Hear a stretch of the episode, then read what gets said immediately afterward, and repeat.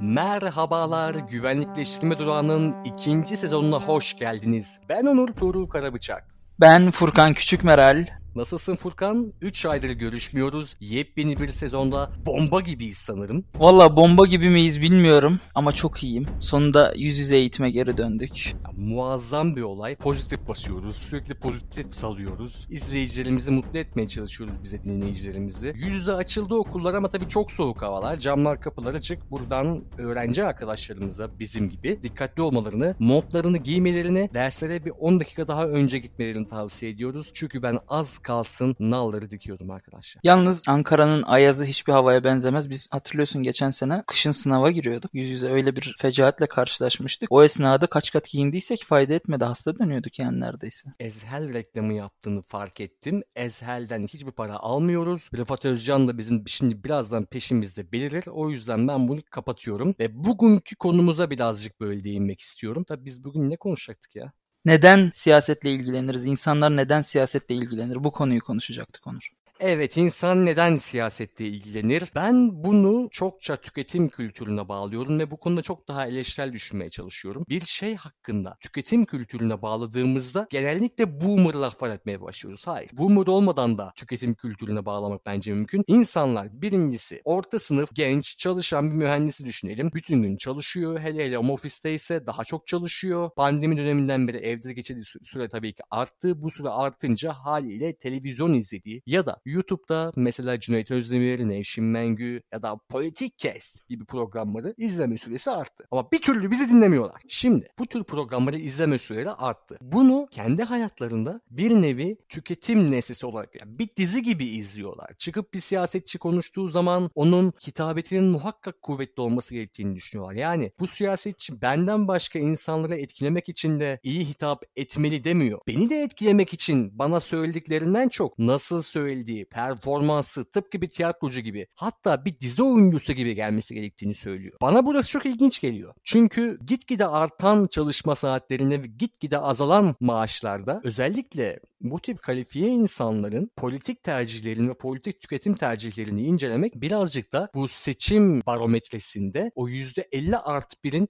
nereye doğru gideceğini saptamakta en az biz Z kuşağına dair yapılan yorumlar kadar önemli. Çünkü sonuçta bu insanlar siyaseti tüketiyorlar. Siyaset üzerine derinlemesi düşünecek vakitleri yok. Siyaset üzerine uzun uzadıya yazılmış makaleleri, çekilmiş podcastleri derinlemesine analiz yapan, hele hele teknik terimler kullananlardan bir kere ben bu insanların hoşlanmadıklarını birinci elden biliyorum. Ve böyle bir çerçevede bu insanların siyaseti bir tık futbol maçına veya diziye benzettiklerini düşünüyorum. Ya şimdi o elit karşıtlığı, teknokrat karşıtlığı konusu bence zaten yine konuşmaya devam etmemiz gereken bir konu ama ben şuradan girmek istiyorum. Yani neden siyasetle ilgilenir insanlar konusunda. Biz mesela derslerde çok basit bir tanımla giriş yapmıştık siyaset bilimi dersine. Siyaset nedir? Kimin neyi ne kadar alacağına dair bir iletişim süreci şeklinde bazı tanımlar yapıyorduk. Şimdi şöyle bir durum var. Son dönemlerde malum hani o ekonomik krizdir, Rahip Brunson krizidir vesaire, euro, dolar fırlıyor. Hala da aynı şeyleri yaşamaya devam ediyoruz. Bu süreç içerisinde içerisinde siyaset kimin neyi ne kadar alacağını belirleme görevini hala yerine getiriyor ama şöyle bir sıkıntı oldu. Rant dağıtımı çok dar bir elite, çok dar bir kitleye hizmet etmeye başladığı zaman bu noktadan sonra insanlar artık bu siyaset kurumunu sıkı bir şekilde takip etmeye başladılar. Çünkü siyasetten beklentileri daha fazla artık. Niye daha fazla? Hani ümidi kesme, ümit etme vesaire şeklinde bahsetmiyorum. Beklentilerinin daha fazla olmasının sebebi artık daha az kazanıyor, daha az şeye sahip oluyor olmaları. Yani şimdi bu insanlar eğer ki hani Avrupa Avrupa'daki gibi mesela atıyorum standart bir refah üzerinde yaşıyor olsalardı zaten çok da fazla hani bu konuları düşünmelerine gerek kalmayacaktı. Ama biz zaten politize olmuş bir toplumuz. E, sürekli farklı sorunlar yaşıyoruz. Sürekli farklı şeylere sinirleniyoruz ve sürekli her geçen gün biraz daha fakirleşiyoruz. Yani ben mesela dün olduğumdan daha fakirim bugün. İki gün öncekinden çok daha fazla fakirim. O arada ne oldu mesela? Türkiye'de bir faiz kararı alındı Merkez Bankası tarafından. Şimdi insanlar ister istemez sokak röportajlarında da görüyorsundur. 11 yaşındaki çocuklar Merkez Bankası'nın faiz artırımı kararını konuşuyor. Çıkar telefonunu göster Furkan'cığım. Senin iPhone'un yok mu güzel kardeşim? Ne hakla bunları söylüyorsun sen? Abi yapma gözünü seveyim yine aynı şeyin yerden geldik ya. Nasıl nereden geldik? Nereye yiyorsun? Kazandığını telefona yatırmıyor musun sen? Arkadaşlar şimdi şöyle bir açıklama getirmek istiyorum. Yok yok bunu açıklama tabii ki bu saçma sapan bir argüman. Böyle bir şey yok yani. Böyle hiçbir şey değerlendiremezsiniz. Furkan'ın söylediği bir kere doğru. Fakat e, ben burada Furkan tabii yani şerh düşmem lazım birazcık. Siyasetten beklentisi olan insanlar. Tabii ki bir kitle siyasetten rant bekliyor. Bunlar ihale alan, büyük çaplı iş yapan şirketleri, orta ölçekli şirketleri olan insanlar. Fakat toplumun tamamı orta ölçekli şirketi olan insanlarla oluşmuyor. Ama ona rağmen toplumun siyasetten beklentisi ekonomik olarak var. Çok güzel söyledin. Rahip Brunson krizine girdin. Bu Rahip Brunson krizi zamanlarından birden ben hatırlıyorum 2018 yılının Nisan ayıydı. Devlet Bahçeli birden çıkıp erken seçim çağrısında bulundu ve dolar birden artmaya başlamıştı. O zamana kadar elimiz çok rahattı. O zamandan sonra gitgide elimiz daralmaya başladı. Burada en küçük geliri olan öğrencisinin de, asgari ücretlisinin de, orta ve uzun vadeli yatırımları olan insanların da siyasetten beklentileri oluşmaya başladı. Fakat bu beklentiler aynı beklentiler değil. Yani Türkiye'de insanlar birçok kategoriye ayrılarak bence incelenmeli ama ne olursa olsun bu kategoriler birbirleri arasında sızıntı yapıyor. Yani net olarak kategorilere sokmanın mümkün olmadığı tarafındayım. Fakat kategorilere ayırmanın da şart ve şart olduğu kanaatindeyim. Çok güzel bir giriş oldu yaptığın giriş. 11 yaşındaki çocuğun TCMB faiz politikalarına haberi olması hem korkunç bir durum hem de bu konu yani sence politize olmakla mı alakalı? Anne babasının bu konunun çok konuşmasıyla mı alakalı? YouTube'daki videolarda, Twitch videolarında, yayınlarında bunların çok konuşuyor olması mı? Yani neyi tükettiği, tükettiği şeylerden mi bunları alıyor bu çocuk acaba? Sanki ne dersin? Bir kere ona zaten hiç şüphe yok. Şimdi bu psikolojide perceptual salient yani gözümüzün önünde duran sürekli bizim maruz kaldığımız şeyler daha fazla ilgilendiğimiz şeyler oluyor. Yani böyle salient dediğimiz kavram geçerli olduğu zaman yani tükettiğimiz şeyler direkt bunu anlattığı zaman insanlar da daimi olarak bunu düşünmeye başlıyorlar. Bir de şöyle bir şey var. Mesela yine bir başka video Twitter'da 3-4 tane çocuk sokakta oturmuşlar siyasetle alakalı bir şeyler konuşuyorlardı. Şimdi bu mutlaka aileden geliyor. Konuşulan ortamlarda çocuklar duyuyor ve hani malum duydukları her şeyi de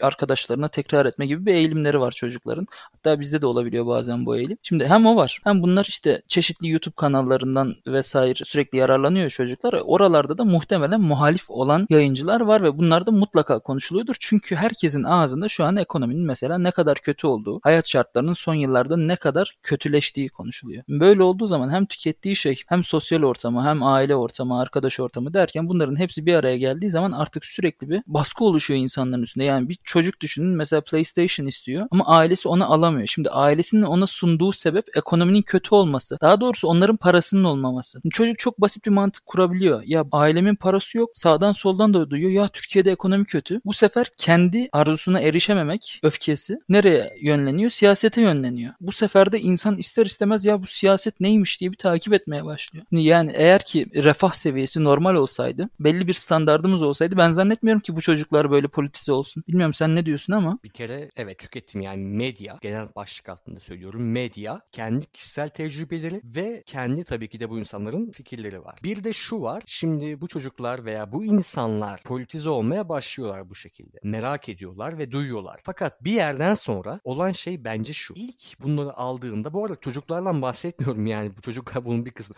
Ben bayağı bildiğiniz orta seviye, orta ileri seviye yaşam süren ve siyasi fikir olarak da belli kutupta bulunmayan Türkiye'de yaklaşık %10 gibi veya %10'dan küçük bir kesim var. Tam kestirememekle beraber. Çok da ana akım böyle stereotipleşmiş şeylere bunlar inanma eğilimindeler. Yani işte bu insanlar konuşmaya başlıyorlar ve birden diyor ki işte bir siyasetçinin liderlik vasfı yok. Benim her zaman çok güldüğüm bir argüman lider, liderlik vasfı nedir? Yani what is liderlik vasfı? Nasıl olunur bu? Ve bu insan neyi liderlik eder? Liderlik etmek, seçim kazanmak mıdır? Çok iyi tiyatro sanatçısı gibi sahnede performans göstermek midir? Yoksa somut olarak iyi adımlar atıp uzun vadeli ülkeyi refaha çıkarmak mıdır? Yani bir nevi ulu önderlik midir? Nedir hocam liderlik vasfı diyorum. Yani bu tamamen stereotipleşmiş, e, gerçeğin sadece küçük bir kısmını almış ve belli imgelere dayanan, belli bir propagandaya dayanan bir durum. Fakat tabii ki bunu genç çevrelerde bir tık daha iyi satan muhalif olma arzusu, yani muhalif olma arzusu gençlerde, gençlerin arasında iyi çalışırken aynı gençlerde mesela muhafazakar olma arzusu onların kendi büyüklerine karşı konuşurken genellikle kastediyorum işlerine yarıyor. Onlara primeye, büyüklerden onay alıyorsunuz. Eğer muhafazakar bir ailenin çocuğuysanız, ve muhafazakar bir çevrede, mahallede yaşıyorsanız. Bu tip bir durum tabii söz konusu. Burada sanki bana bir taş mı atıldı bilmiyorum çok anlayamadım ama ben şimdi muhafazakar bir aileden geliyorum ve ben yeni muhafazakar gençlikte gözlemlediğim bir şey var. Şu ana kadar gördüğüm en azından aileleriyle pek ki uyuşamıyorlar. Yani bu benim en azından kendi çevremde gördüğüm olay bu şekilde. Aileleriyle ne bakımdan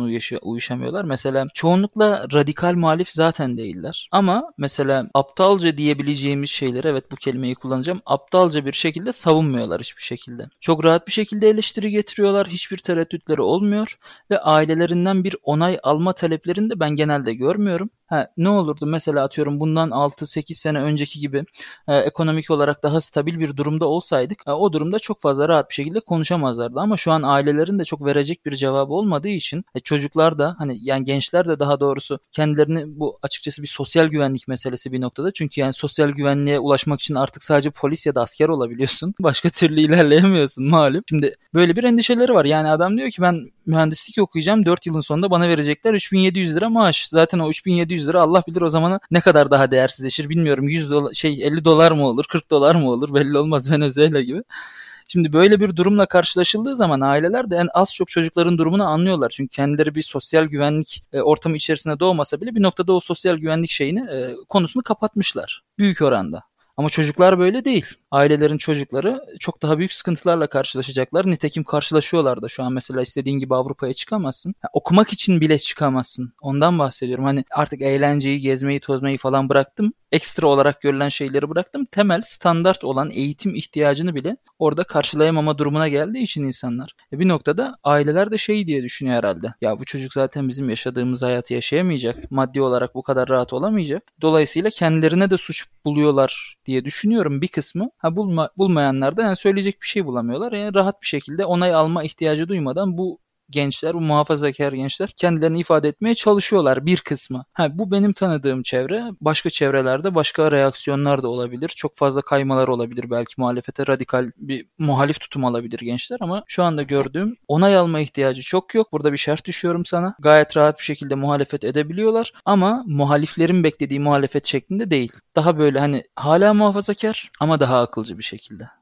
Yani savunulmayacak şeyleri savunmuyorlar. Evet oradaki aptallığı biraz açalım en başta. Aptal yani rasyonel olarak tutmayan, post-truth düzeyinde işleyen yani birbirini karşılıklı olarak kandırma ve bu durumdan gayet de memnun olma durumunda işleyen bir aptallıktan, aptallık bunu kastediyor yani irrasyonel olma durumundan bahsediyor daha çok. Ve bu insanlar yaşayış biçimi olarak muhafazakarlar yani dindar muhafazakar diyebileceğimiz bir durum söz konusu. Tabii güzel. Bir yandan aileler çocukları çok provoke etmek istemiyor olabilirler. Diğer yandan da çok meşhur elde edilmiş kazanımlar muhabbeti söz konusu olabilir. Bir de asla ve asla inanmadığım ve tamamen mediye edilen, medya araçlarıyla yaratılan bir hassasiyetler meselesi var ki bu hassasiyetler meselesini o liderlik vasfı yok gibi tamamen içi boş, tamamen imgeye dayalı argümanlar olarak düşünüyorum. Bu argümanları bir kere iptal etmek çok da kolay fakat bu ikisi de post ya da benim söylemimle simülasyona yakın olduğunu düşünüyorum. Ve bir de bir şey diyeceğim yani çok güzel söyledin sosyal güvence. Evet bu insanlar kendilerini güvende hissetmiyorlar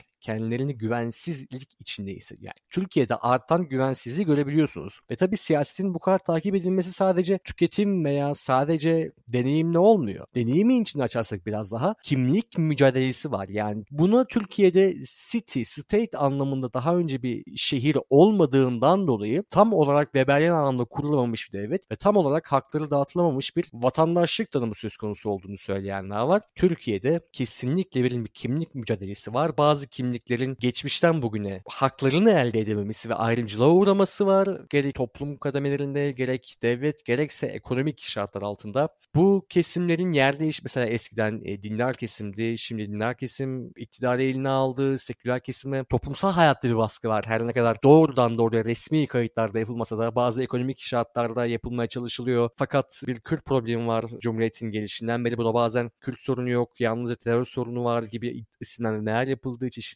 süreçlerden geçildi Türkiye'de. Fakat siyaset üzerine yani bir, bir konu politize edildiği zaman henüz daha güvenlikleştirilmesinden bahsetmiyorum. Önceki sezon dinleyen dinleyicilerimiz bunu çok iyi bileceklerdir. Bu durum politize edildiği zaman bir kere zaten gerçek hayatın içinden olma iddiasını kaybediyor. Gerçeklik iddiasında büyük bir kırılma oluyor. Türkiye'de özellikle son zamanlarda politize edildiğiniz zaman birden medyatikleşiyorsunuz. Aranızda en medyatik, en popüler isimler bir kere doğrudan muhatap alınmaya başlıyor. Bu muhatap alınan isimler de haliyle durumu doğrudan aslında yaşayan insanlar değil ve medyatize olduktan sonra konu medyadaki temsil çoğunluğu her zaman programın ilk yarısında aslında bahsedip isimlendirmediğimiz beyaz Türk olarak adlandırılan veya kimlik bakımından temel radikal seviyede bastırılmamış, ulus devlet inşasında temel sorun olarak 100 yıldır aslında bu kadar dışlanmamış kesimlerin yaşadığı sorunlardan biraz farklı ve onlar tarafından ister istemez birkaç kültür endüstrisi stratejisiyle açıkçası ezilmiş ya da e, hakları kaybolmuş oluyor. Ortada olan şey mış gibi yapılmışa dönüyor ve bu da insanları daha sert muhalif bir şekilde ve daha politik olarak bilinçli diyebileceğimiz bir şekilde örgütlüyor ki bu örgütlenmeler de her zaman rasyonel önermeleri içermiyorlar. Oldukça irrasyonel önermelere yol açabiliyorlar. Çok daha farklı, çok daha derin, çok daha dikkatli konuşulması gereken özellikle yayıncılar tarafından sıkıntı da içeren yerlere gidebiliyorlar. Tabii bununla ilgili çalışan akademisyenler var falan filan derken süremizin de sonuna geliyoruz. Peki Furkan, peki ne yapalım hocam? Öyle güzel sordun ki yani yapacak çok bir şeyimiz var mı bilmiyorum. Biz kimiz lan? Yani biz ne yapabiliriz abi? Bizim etimiz ne budumuz ne? Şunun şurasında iki tane çocuk akademisyeniz yani. Ya bunu ciddi bir şekilde düşünmemiz gerekirse açıkçası önce bir sorunu bir tespit etmemiz lazım. Mesela sen dedin ya kimlik meselesi vesaire. Şimdi bunu yaparken belli bir kategori kategoriye ayırmamız lazım. Mesela Kürtler ya da İslamcılar, siyasal İslamcılar neden siyasetle ilgilenir sorusunun cevabıyla seküler diyeyim. Yani daha geniş bir tanım yapılabilir belki ama şu an daha stereotipik bir tanım kullanacağım. Sekülerler neden siyasetle ilgilenirin cevabı bence farklı. Önce bunları bir tespit etmemiz lazım. Mesela e, Kürtler için bir varlık mücadelesi, bir beka mücadelesi iken siyasetle ilgilenmek, yani haklarını alma mücadelesi iken ya da daha önce e, İslamcılar için aynı meseleyken çünkü atıyorum bu insanlar bu iki grup kendilerini Türkiye Cumhuriyeti Devleti ile bağıntılı görmüyorlar. Ait hissetmiyorlar. Şimdi bir, bir ülkenin vatandaşısın ama o ülkeden çok uzaksın yani kafa olarak. Ne oluyor? Sen bir mücadele içine giriyorsun yani kendi yerini alman, kendi haklarını almak için mücadele içindesin. Senin için siyaset yani bir yaşam alanı. Lebensraum öyle bir şey. Ama işte mesela atıyorum bürokrasi, devlet uzun süre bunu yine bir stereotipik anlatım olarak söylüyorum. Uzun süre Kemalistlerin elinde diyelim. Bu hani Kürtler ve siyasal İslamcılar da İlker Aytürk'ün kullanımıyla post Kemal Kemalist kadroya giriyorlar. Şimdi sekülerler iktidarı kaybettiler. Daha doğrusu işte bu kesim Kemalistler iktidarı kaybettiler diye hani böyle bir premisimizi kuralım. E bundan sonra ne oldu? Şimdi belli imtiyazlar kayboldu tabii ki ama atıyorum sosyal iktidar, e, kültürel iktidarın kimde olduğu hala belli mesele. Onlar için bir varoluş mücadelesi değildi bence. Nereye kadar değildi ama bunu tartışabiliriz. Yani bunun başlangıç noktasını. Artık onlar için de bir varoluş mücadelesi. Çünkü artık onlar da, onlar diyorum ama muhtemelen ben de o kesimin içerisindeyim. Bir varoluş mücadelesi içerisinde yani düşün ki çok basit şeylerden baskı altına alınabiliyor bu insanlar ve endişeli muhafazakarlar bir anda her şeye ayaklanıyorlar. Mesela bir vals oynanıyor İstanbul Büyükşehir Belediyesi'nin 30 e, Ağustos kutlamalarında. Vals oynatılıyor ve bir bakıyorsun Deva Partisi'nden geliyor tepki ne oluyor? Diyor ki mesela azgın azınlık diye bir tabir kullanıyor. Aynı ağızla yapılmış aynı saldırı. Yani bir diyorsun ki hayatına yani yaşam tarzına saldırı olmamalı diyorsun değil mi? Parti programında atıyorum. Aynı şeyi sen bir anda çok alakasız bir noktada birkaç tane aptalca e, Twitter yorumundan ki her grubun Twitter'da çok aptal, çok radikal temsilcileri var. Bunlara bakarak sen bir anda topluca koca bir kitleyi zan altında bırakıyorsun. Şimdi böyle bir ortam olduğu zaman ne oluyor? Bunların sebepleri, sonuçları farklı oluyor bu kitleler. Dolayısıyla Dolayısıyla hani sorunlar da farklı diye düşünüyorum. Farklı bir şekilde kategorize edip bunları tespit edersek çözüm daha kolay olacaktır. Öncelikle zemini hazırlamamız lazım.